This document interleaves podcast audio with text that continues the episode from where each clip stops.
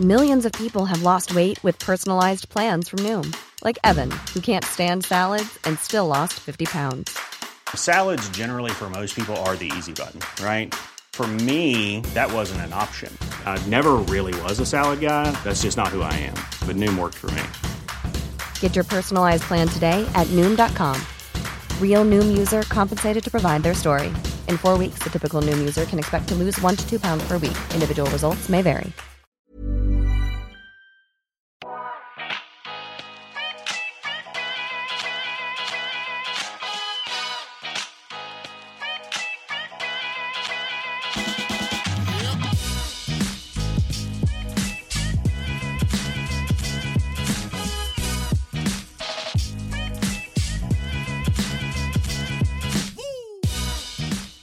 Dagens avsnitt så träffar jag entreprenören Josefin Landgård som har varit med och grundat Kry, gjort en succé där och nu grundat medgrundare av CBD-oljan Mentor.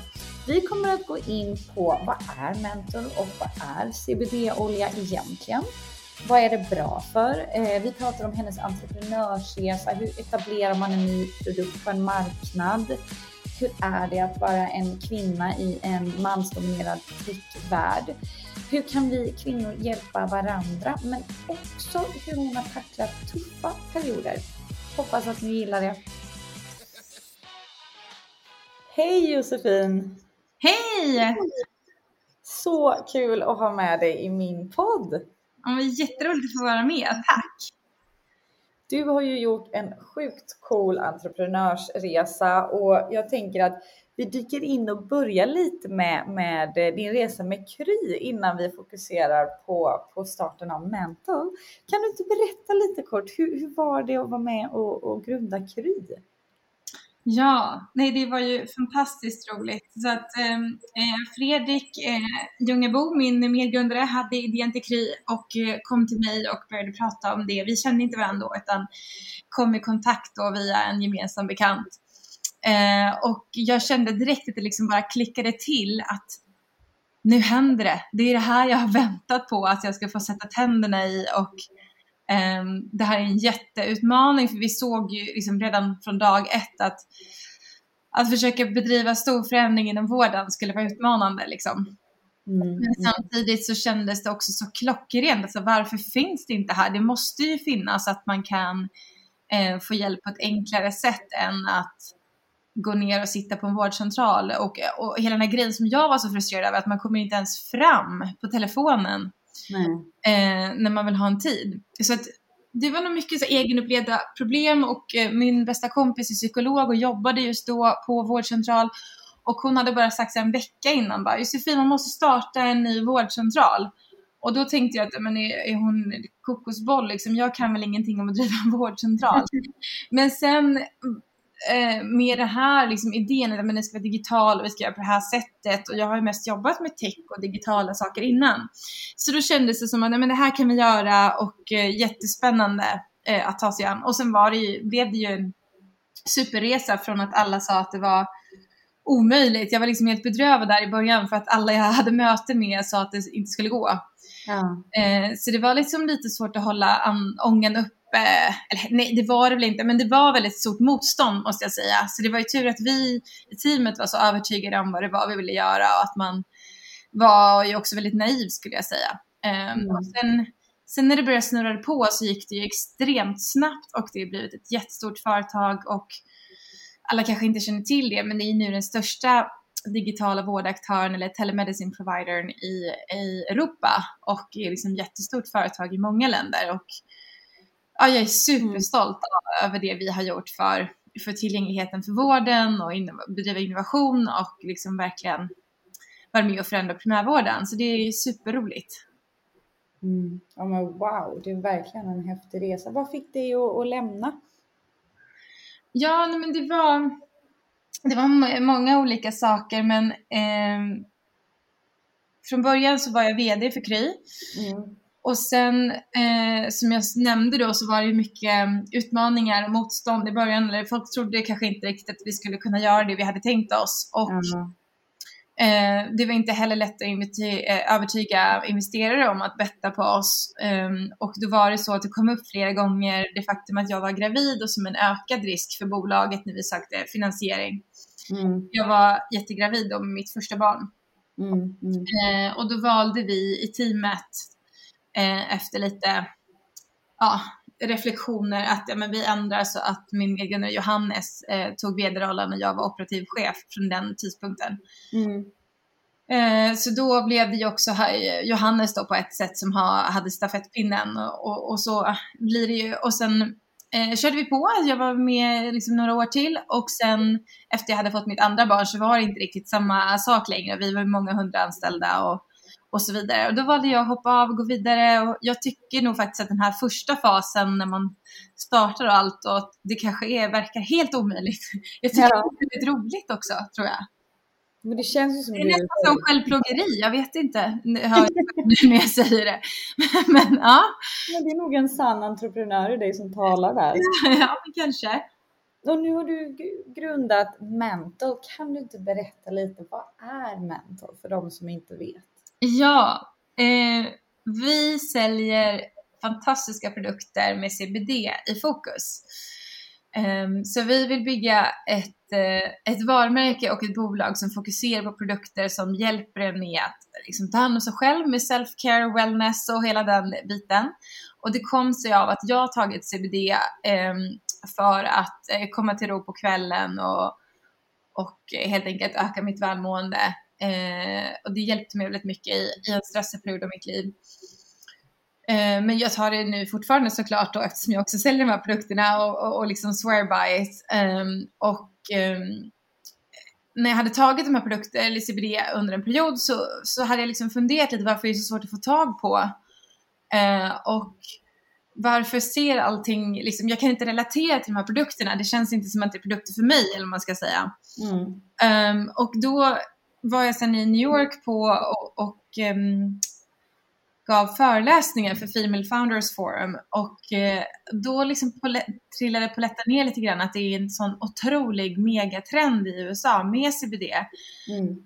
Uh, och vilken stor industri det har blivit där och vad populärt det är uh, och kände att vi låg så långt efter här.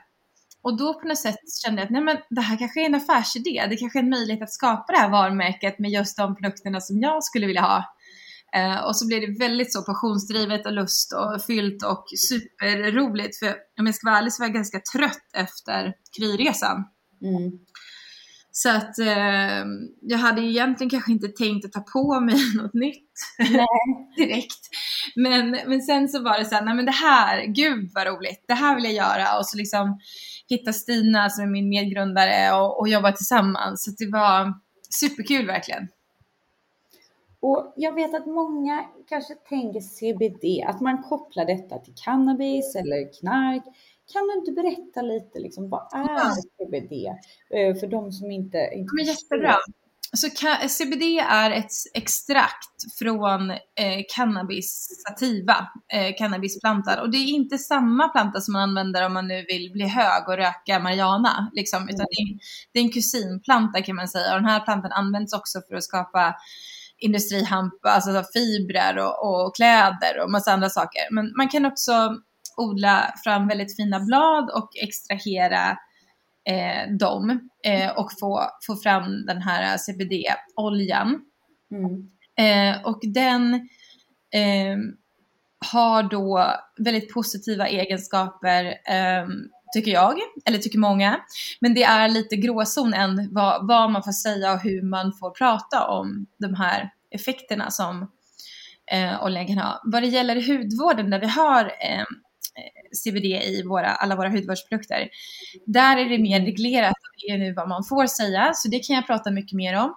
Och då är det mm. så att det är extremt antioxidantrikt, vilket ger en så kallad anti-age-effekt. Men det boostar också kollagenproduktionen, så här att man vill bli liksom plumpig och spänstig i huden. Eh, sen är det väldigt lugnande, eh, så att det liksom skyddar hudbarriären och stärker huden.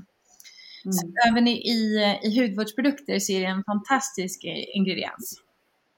Oh, wow! Och har detta hjälpt dig? För att jag vet att jag själv då, jag älskar CBD-olja och har liksom använt det personligen vissa perioder när jag kanske har väldigt mycket på jobbet eller mycket privat eh, och kanske för då blir ofta min sömn lidande eller liksom sådär att jag kan inte slappna av. Det är mycket tankar och mycket eh, sådär. Så mig har det personligen hjälpt så, men har det, har det liksom hjälpt dig genom tuffa perioder i livet och, och, kan man säga att det liksom slutar fungera ibland eller hur, hur, hur funkar det? Ja, precis. Nej, men Världshälsoorganisationen har gjort studier som visar att det på inget sätt är beroendeframkallande och det är helt ofarligt och det är godkänt. Alltså det är jättemånga atleter som tar CBD-olja, det är godkänt av olympiska kommittén och så vidare.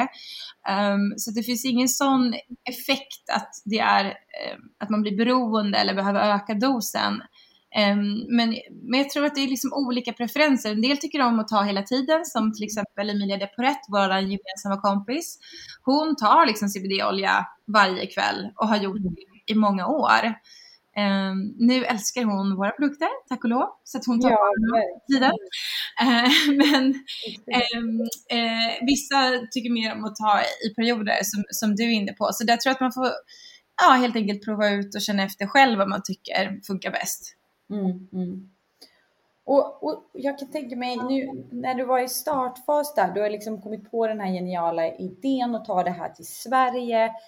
Hur gjorde du då? Alltså hur går du tillväga liksom när du vill etablera Mantle på, på den svenska marknaden? Ja, men precis. Så först um, så började med att titta om det var lagligt att sälja de här produkterna, för det var ju bra liksom, check på det. uh, så vi tog in en jurist som är, specia som är specialiserad på, på CBD-frågor, för det är ganska uh, specialområde liksom. Och sen eh, började jag leta efter Stina och, och vi hittade varandra. Eh, min medgrundare som är eh, CMO och är liksom marketing och varumärkesguru. Ehm, och det, jag är mer generalist så det kändes väldigt viktigt att ha med mig henne.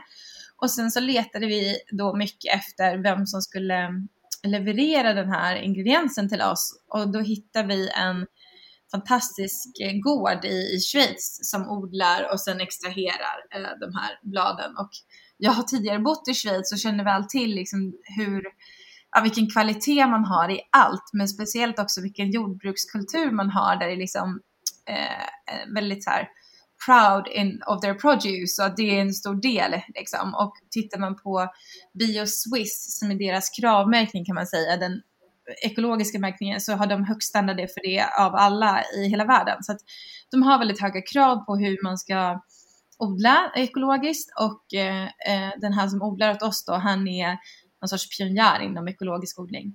Så de uppfyller liksom alla de krav som vi var ute efter, men också att de har den här högteknologiska extraktionen. Så det kändes ju jätteviktigt att få på plats hur vi ska sourca våran produkt. Och sen lika då med hudvården så tillverkar vi den här i Sverige. Mm. Eh, och det, det la vi också mycket krut på att titta vem som ska göra produkterna åt oss. Och sen så gjorde vi design och började fila på hur vi skulle lansera de här. Eh, och eh, börja sälja in det här också så att Kicks och Lyko och, och eh, ett gäng ställen till säljer ju våra produkter. Så då började vi prata med dem om att, att få ordrar från dem och sådär. Oh, wow, och fick ni mycket kritik? Um, Ja, nu ska vi se. Det är kanske också att man är van att få kritik på Kry så att man inte funderar så himla mycket på det. Eh, nej, men det tycker jag faktiskt inte att vi har fått. Alltså viss mån, eh, alla älskar ju inte det man gör, men, men jag tror att den hållningen som till exempel Läkemedelsverket har som är ganska skeptiska till CBD så upplever inte jag alls att konsumenten, eh, jag tror att många är jätteintresserade av CBD, jättemånga tar redan CBD. Men eftersom man i, i Sverige har någon sorts hållning om att ingen ska få sälja CBD så köper ju alla från utlandet istället och har egentligen inget konsumentskydd. Så att, eh, vi tycker ju att man tänker lite fel där från myndigheternas sida. Det skulle vara bättre att man reglerar här så att konsumenten kan veta vad det är man får. Ja, för idag känns det väl väldigt vanligt att man beställer från utlandet. Ja. Mm, och, och, där kan det ju vara en viss procent av liksom nu kan ju inte jag de här THA. Ja, men THC heter det som är eh, som då faktiskt klassas som narkotika i Sverige. Så att vi säljer CBD-produkter helt utan THC. Men är det THC kvar i så är det alltså en sån eh, ingrediens som ger eh, rus eller en sån substans som ger rus och som är narkotikaklassad. Så det, det kan ju vara bra att känna till det, att om man ska köpa CBD-produkter, se till att det inte är THC i. Och det som du är inne på här är ju precis så att när de har gjort stickprover i, i UK, USA, i Schweiz um, så hittar man ofta, alltså från konsumentorganisationer, att uh, de här produkterna innehåller inte det som de säger. Och det är mm. väl för att det är en, en ny bransch och den är o, ganska oreglerad än så länge. Så här jobbar ju EU för att de ska ha ett ramverk och då kommer det bli eh, om man gjorde det här med chiafrön till exempel, det kallas för novel food regulation, att om det är en ny, nytt livsmedel som vi inte är vana att äta så att säga, så går det igenom en prövning och så reglerar man vad, hur ska chiafrö vara för att uppfylla kraven att få heta chiafrö. Eh, och det är egentligen precis det man ska göra med CBD-olja också. Men mm. tittar man internationellt, så jag menar i Tyskland och i England så köper du, och Schweiz och så vidare, så köper du CBD-olja på varenda apotek. Eh, så det här, jag tycker att det är ganska konstigt att Alltså vi ligger ju väldigt långt efter i Sverige helt enkelt, så, så är det. Och den här äh, bilden av att som, som du sa nu, att en del kan nästan fråga mig så här, men gud, säljer du knark? Man bara, eh, nej, eh, ja. det här köper man på varenda apotek. Ja. ja. Nej, men det är så vanligt. Ja, nej men, ja, nej, men så det är spännande. Och jag menar, det är ju ingen, det är en lätt uppgift du har, för någonstans så är det ju så här, Sen vet jag inte hur er strategi har varit i marknadsstrategi, men någonstans måste, har ni också ett, en uppgift att utbilda folk och just vända på den här frågan. Är det knark ni säljer? För jag menar, när, i en sånt här, ni är ju någonstans först. Eh, mm. Så, så det är ju ändå ganska utmanande eh, liksom, produkt ni säljer om man säger jämfört med kanske att sälja klädesplagg som redan finns i ganska ja. många. Men det är där i liksom potentialen består också. Eh, ja. Det är det jag är lite lockad av här att ja, men lite det där, ju större utmaningar man ut, övervinner desto större möjlighet har man till att få en hög värdering på bolaget och göra, göra någonting stort av det liksom. Mm. Och ni syns ju verkligen överallt. Jag, jag ser verkligen, eller så är det att jag, jag verkligen kanske målgruppen. Men hur glad blir att du ser oss överallt. Då, då, då gör, det vi gör funkar då alltså, Sanja? Ja, men verkligen. Hur har ni tänkt kring marknadsstrategin? Jag som är liksom nyfiken marknadsförare. Ja, nej men vi lägger ju stort fokus på att jobba med PR och mycket att liksom bygga relationer. Det här är ju du expert på. Um, men Sen så gör vi också, eh, ja men liksom försöker hitta våra fans eh, också bland till exempel influencers och skicka och se vilka som gillar produkterna och så gör vissa samarbeten med dem och, och sådär. Så nu har vi faktiskt eh, köpt en jättestor utomhuskampanj och det är lite läskigt, det är liksom en stor investering men också så himla roligt. Så nu är det stort, stortavlor över hela Stockholm under två månader faktiskt, där det är rörligt material från oss med, där vi har Emilia de Porrett och Hakan Hermansson och två modeller som står och smörjer sig och jag älskar den för det ser ut, alltså de är helt omikade, de står i ett badrum med en iPhone-kamera och eh, liksom filmar sig själva när de smörjer in kräm. Eh, och jag tycker att den känns liksom väldigt roligt och, och mycket som oss. Vi vill ju på något sätt eh, vara ganska så personliga och filterlösa och inte så tillrättalagda. På något sätt så här model imperfection liksom, men, men ändå gör det väldigt snyggt. Så att, oh, wow! Ja, men spännande. Vad kul! Ja, för det, det nämner du ju nu att de, de tar det på ansiktet. Vi har ju inte gått in på det. Ni har ju breddat sortimentet. Ni gör ju hudvård. Ja, vi gör hudvård. Och, ehm, så det var faktiskt planen redan från början, men det tar över ett år att få fram hudvårdsprodukter. Från det att man har liksom en produktidé till att man har burken i handen så tar det vanligtvis ungefär ett år. Mm. Eh, och eh, nu apropå pandemin så vi tillverkar alla våra förpackningar i Italien. De är jätteduktiga på, på det i Italien. Eh, de här fina glasburkarna som vi använder. Mm. Och då var de sena. De var fyra månader sena, Sanja. Oh, wow, det är länge. Då, och då sitter man bara där och väntar på burkarna. Alltså det var ju helt absurt. Förstår du vilken panik jag hade? Oh, speciellt när ledtiden på beauty redan är ett år. Typ. Ja, men exakt. Så att vi hade, um, vi, vi, vår första produkt som vi släppte då i februari förra året lanserade vi rakt in i pandemin. Um, och sen fick vi ändå till det, det är ganska bra mot slutet av våren, men liksom i februari och mars det gick ju inte att komma och säga hej, köp vår olja, hela världen är, är i total kris liksom. Och sen eh, under våren gick det ganska bra och så blev vi stoppade då, den produkten blev stoppad av Läkemedelsverket i juni för de tycker att vi har gjort eh, fel i vår marknadsföring. Mm. Ja, så då, då fick vi liksom bara frysa alla kostnader och sitta där och vänta på att de här hudvårdsprodukterna skulle bli klara. Och då var det liksom från juni till augusti trodde vi att vi skulle släppa de här i augusti. Så det tänkte jag, men det kan vi liksom, nu byter vi ihop, det här löser vi. Eh, nej, nej, det blev i december. Oh wow. Ja, men så det var lite utmanande 2020, förutom att man kanske trodde att man skulle dö i... Det är precis den här produkten man behöver då, lugnande. Ja, och det hörde vi ju hela tiden från alla, att så här, alla CBD-bolag gick så bra i resten av världen och vi, vi satt där och hade ingenting att sälja. Vad så bra det blev ändå. Det var ju bra det blev ändå. Så då släppte vi de här hudvårdsprodukterna i december och sen har det varit sånt otroligt mottagande. Alltså jag får typ nypa mig i armen varenda dag.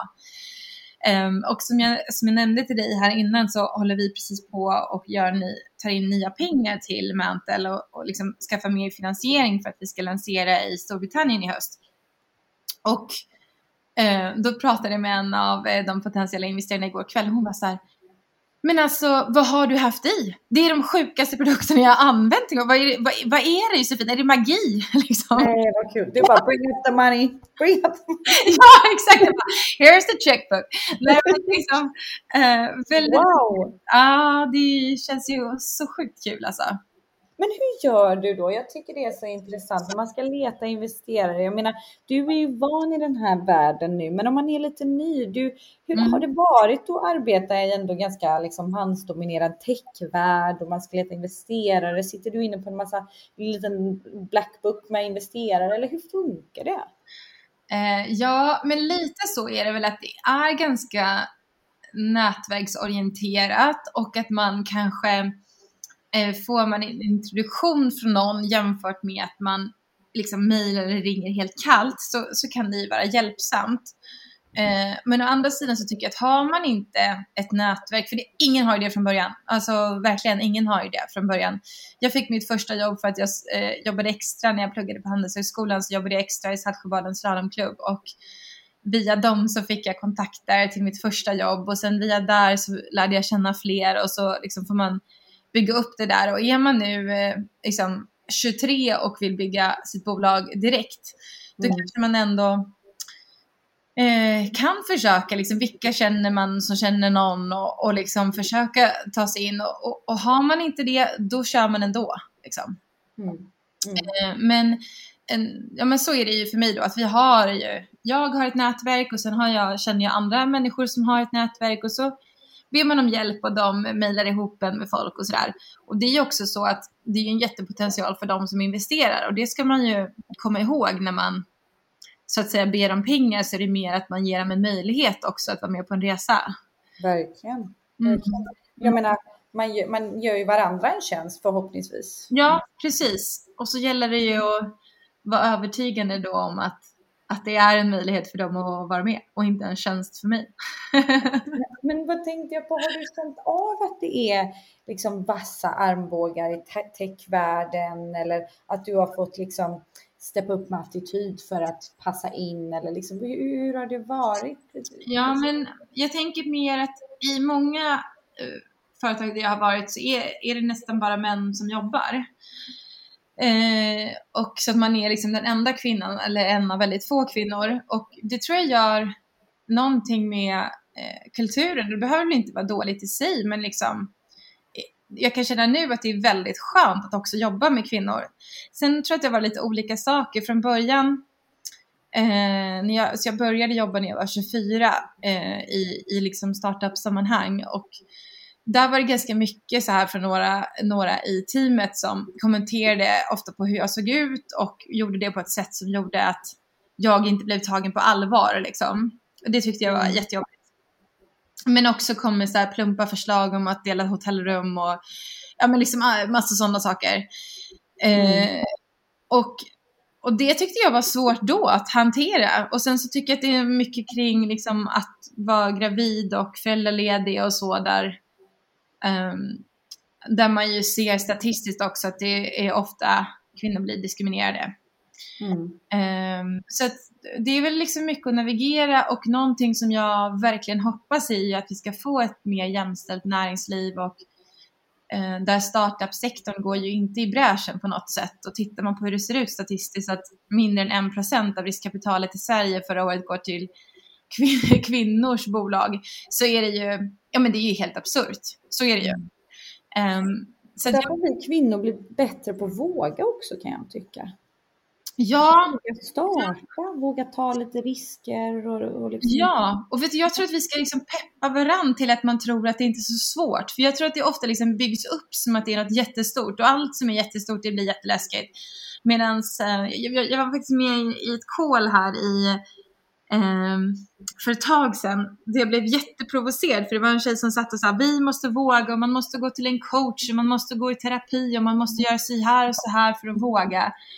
Och då känner jag så nej vad trött jag blir för det är inga män som sitter och säger så här heller utan man bara gör. De bara sa ah, du jag har den här idén, ska vi sätta igång med det här? Och så provar man lite grann och så gick inte det, då provar man någonting annat och liksom inte bygga upp det till en så... Nej, vadå? Coach och, och terapeut och psykolog, det är väl på individnivå man behöver det oavsett om man är kvinna eller man. Ja, jag håller helt med. Nej, men jag tror bara att vi ska liksom just do it och sen så tror jag att för mig i alla fall så var det en ganska bra grej att börja med att jobba i startup så att man lite så learn the ropes och förstår ungefär hur det funkar. Och eh, nu är det roligt, en av mina eh, ja, men nära vänner men också, och hon är rådgivare till mig och hon brukar säga till, till mig så här, du är så rolig Josefin, du gör precis som grabbarna. Och då tänker jag så ja det är inte så konstigt för jag är ju skolad av grabbarna liksom. Mm. Mm. Um, och det är väl det där också att det finns kanske vissa förväntningar på att kvinnor ska göra på ett annat, eller att vi är annorlunda på något, ja. på något väsentligt sätt när det kommer till business. Och då tror jag, det tror jag inte att vi är liksom. Nej.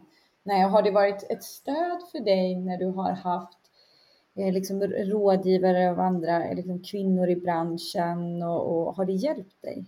Men nu tycker jag det är jättefint. Jag har, nog, jag har inte haft det förut utan det är ganska nyligen och med mantelresan där jag har, eh, är så sjukt glad att kunna ha med mig starka kvinnor som backar mig också i form av alltså att de investerar i, i mig och bollar med mig.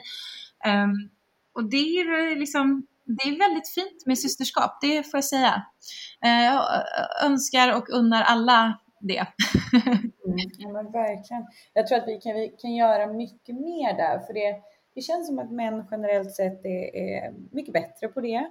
Och att vi liksom någonstans, eh, som du sa, jag, jag själv är också väldigt van vid att arbeta med män och då blir det liksom att man krigar sig fram. Men jag tror att istället för att man ska känna så, så ska man, eller jag tror att man snarare tänker att så här, det finns bara plats för en tjej vid bordet ibland för att vi är inte mm. så vana. Då ska man armbåga sig fram istället för att hjälpa varandra fram och ta hjälp och få rådgivning eller vet, bolla och det inte behöver vara så armbågarna utåt jämt. Mm. Eh, nej men absolut och det är ju en sån där um Eh, det finns också massa bra forskning som visar just det att förut var det ju så att det var, fick bara plats med en kvinna, man var liksom the token woman. Mm. Eh, och då är det klart att man fick lov att skydda sin position. Mm. Men förhoppningsvis så, så rör vi oss mer och mer ifrån det och att vi kan Eh, jag tror också att det ligger någonting i det här, grabbar då om man generaliserar kanske hänger i gäng och så här, är ganska inkluderande att, alla, att liksom, de som är i gänget ska alla med. Ja. Och, och det där kanske vi inte, kvinnor socialiserar inte så lika mycket eh, kanske om man hårdrar det eller så här, Inte än. Inte än. Så det kanske är någonting vi ska liksom, ja, men lite så här att man bara morskar upp sig och ser till att göra det. Verkligen. Och det är väl lite det jag hoppas när man så lyssnar på det här fantastiska avsnittet med dig sen, att man känner så här, jag kan också, eller att man kan ja. känna att jag ska hjälpa en vän, eller jag ska, att man vill liksom bidra. Men verkligen. Och sen vet du, jag har tänkt på det på slutet, även om jag är glad då för att jag jobbade i startups och liksom lärde mig massa saker från början, så önskar jag också att jag skulle ha vågat köra själv mycket tidigare. För jag bara så här, men Mm. Kan och jag tror att jag typ alltid har vetat egentligen att jag kan. Men Mm. jag har ändå inte liksom agerat på det utan jag, alltså, hör, får, men får jag, oh, kan jag få vara med lite här? Och så, liksom att, Ja, ja, det utvecklar sig fram nästan lite så. ja, lite så. Mm, Ehm, eh, och vad är det värsta som kan hända liksom? exakt. Att det går dåligt, då kan man göra något nytt. Exakt, ja men jag håller helt med. Och jag vet att du, för jag har ju lyssnat, jag har ju haft med även tjejerna här från Holy Crap och tyckte det var så inspirerande att du berättade lite hur du använder din intuition i ditt entreprenörskap. Kan du inte berätta bara lite kort om det? Ja, det var så kul att vara med i deras podd. Det var liksom helt andra frågor än vad jag brukar. Gud ja! Han bara, ooh. Eh, jag bara, this is a big secret att jag brukar prata med mitt media när jag inte vet hur jag ska göra. ja men det är det som är så kul. Don't tell anyone my. Nej, men ehm, eh, Nej men det är nog en del av, alltså jo men jag har nog väldigt stark så magkänsla om man ska säga. Och ehm, alla skrattar åt mig att jag är så, alltså jag springer liksom fram i livet generellt kan man säga, har gjort det ända sedan jag var liten. Och att jag alltid vet så här, ja eller nej, rätt eller fel. Alltså jag har en väldigt stark så känsla direkt i om att fatta beslut och är också väldigt kanske bekväm med att fatta beslut. Och det tycker jag också när man kör startup så måste man göra högt tempo för att få mycket gjort och det är många beslut som ska fattas och det är helt okej att man jag tycker ofta så här, det är bättre att fatta ett beslut än att stå och stampa och sen så kan man ändra då om det blir fel. Sen vill man ju ändra så lite som möjligt. Men där tror jag att den här eh, hjälper mig någon sorts eh, känsla för vad man, vad man tror på, vad som är rätt väg att gå. Liksom. Mm. Sen är det också så att man, säga, den här känslan kommer inte av sig själv utan den bygger ju också på att man tar reda på, liksom, jag visste inte hur man producerar hudvård på ett bra sätt, men då träffar jag människor som vet det. Ehm, och, och sen fattar jag liksom beslut kring hur jag tycker att vi ska göra det. Mm.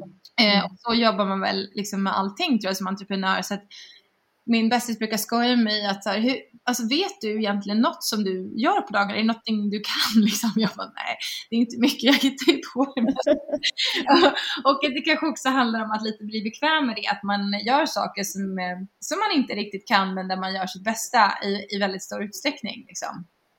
Jag tror att det är sjukt bra tips faktiskt. Alltså det här med att ta beslut och Ja. gå på sin intuition. För att eh, det, som du säger, speciellt i startups eller unga bolag, det krävs ju att man ska ta ganska många beslut för att det går ganska snabbt Ja, och framåt förhoppningsvis. ja.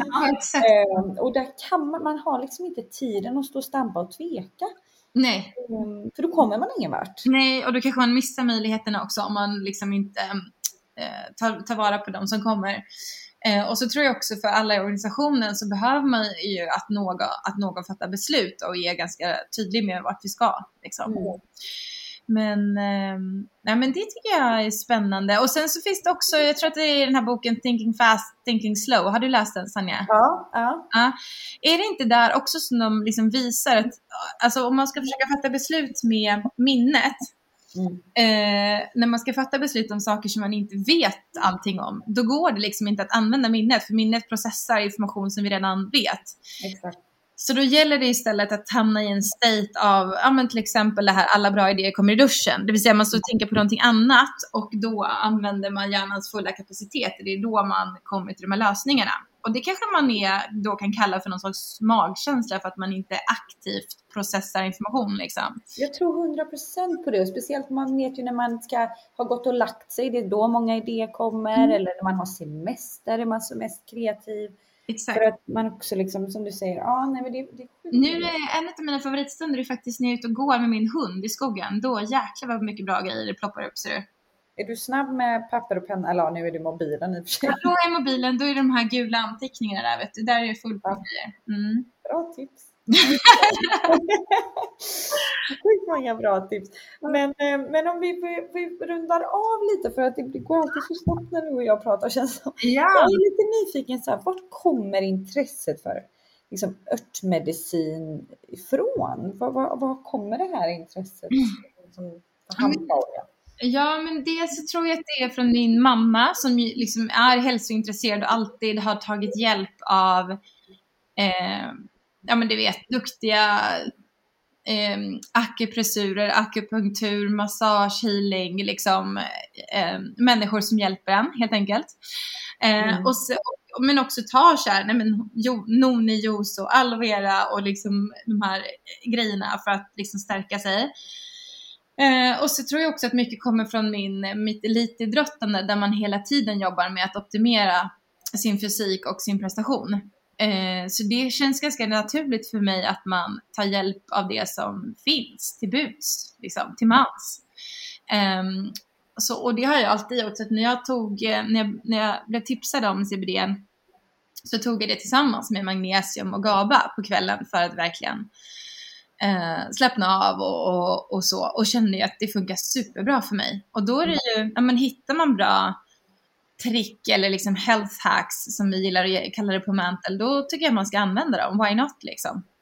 Men om det kan hjälpa en och underlätta en så why not? Jag, jag håller mm. helt med. Och ja. Jag menar som för mig med sömnen, det har hjälpt mig där. Och, och, och, jag menar sömnen är ju livsviktig för att vi ska må bra, för att vår hy ska vara mörk, bra för att vi ska prestera. Alltså allt liksom. Ja, jag menar verkligen. Eh, som det kan främja det, why not? Ja, och det vet ju mm, du, alltså, har man en ganska hög eh, Ja, men man har mycket man vill uträtta ja. helt enkelt här i livet så, och, och har mycket driv så kanske man behöver hjälp med att eh, dra i bromsen istället, alltså att komma ner i varv. Oh, ja. ja. så det är jättebra att hitta eh, olika tips och tricks för det. Ja, för man vill ju hålla. Jag menar, jag vill ju aldrig att mitt driv ska vara till min liksom, nackdel och sen samtidigt är det det svåraste som finns ibland att stänga av. Det är ju inte en knapp liksom. Nej. Eh, så, så om man kan hjälpa till där då är det verkligen. Min nya favorit är då trädgårdsarbete förstår du Sonja. Så att jag eh, knock myself out gardening. wow. Det har inte jag här mitt i stan. Jag får Nej, gå. men jag drömmer om ett landställe, det är min drivkraft. Ja, du vet påta jorden. Det finns faktiskt studier på det nu också, att när man liksom gräver med händerna i jorden så kommer det upp massa bakterier som är jättebra för vårt mikrobiom och för vårt välmående. Inte det spännande? sånt. Åh, oh, tycker sånt är så intressant. Ja, så nu kommer jag börja gräva här. gräva på balkong, i balkonglådan. Ja, men why not? Jag tror allt när man är connected med jorden på något sätt är bra. Ja, men eller hur? Ja, spännande. Nej men hörru, tack snälla för så gott snack. Och om man är jättenyfiken på dig nu, vilket jag vet att många är, hur ja. hittar man enklast till dig och till företaget? Bra, jag finns på josefin.landgard eh, på eh, Instagram och oss hittar man på Hello Mantle. Um, at hellomantle eller hellomantle.com. Grymt. Tack snälla du återigen. Ha det bra. Hej! Eftersom att dagens avsnitt går i hälsans tecken så är dagens avsnitt också ett samarbete med onlinebutiken Pureness. Detta är en butik där man handlar alla typer av supplement inom näring. Jag är ett stort fan och man hittar alla typer av produkter med högsta kvalitet. Det kan vara kosttillskott, hälsosamma delikatesser, drycker och snacks. Allt för att man helt enkelt ska må så bra som möjligt och öka sin energi. Och eh, ja, med en timme med 20 så får ni 20% på hela sortimentet. Och eh, Pureness är väldigt duktiga på, på vad de gör. Det här är bra produkter. De har ett nära samarbete med forskare och experter inom näringslära och medicin. Eh, så med en timme med 20 så får ni alltså 20% rabatt på allting. Och jag vill highlighta två produkter lite extra nu så här i sommartid. Och det är en av dem är min favorit kombuchan.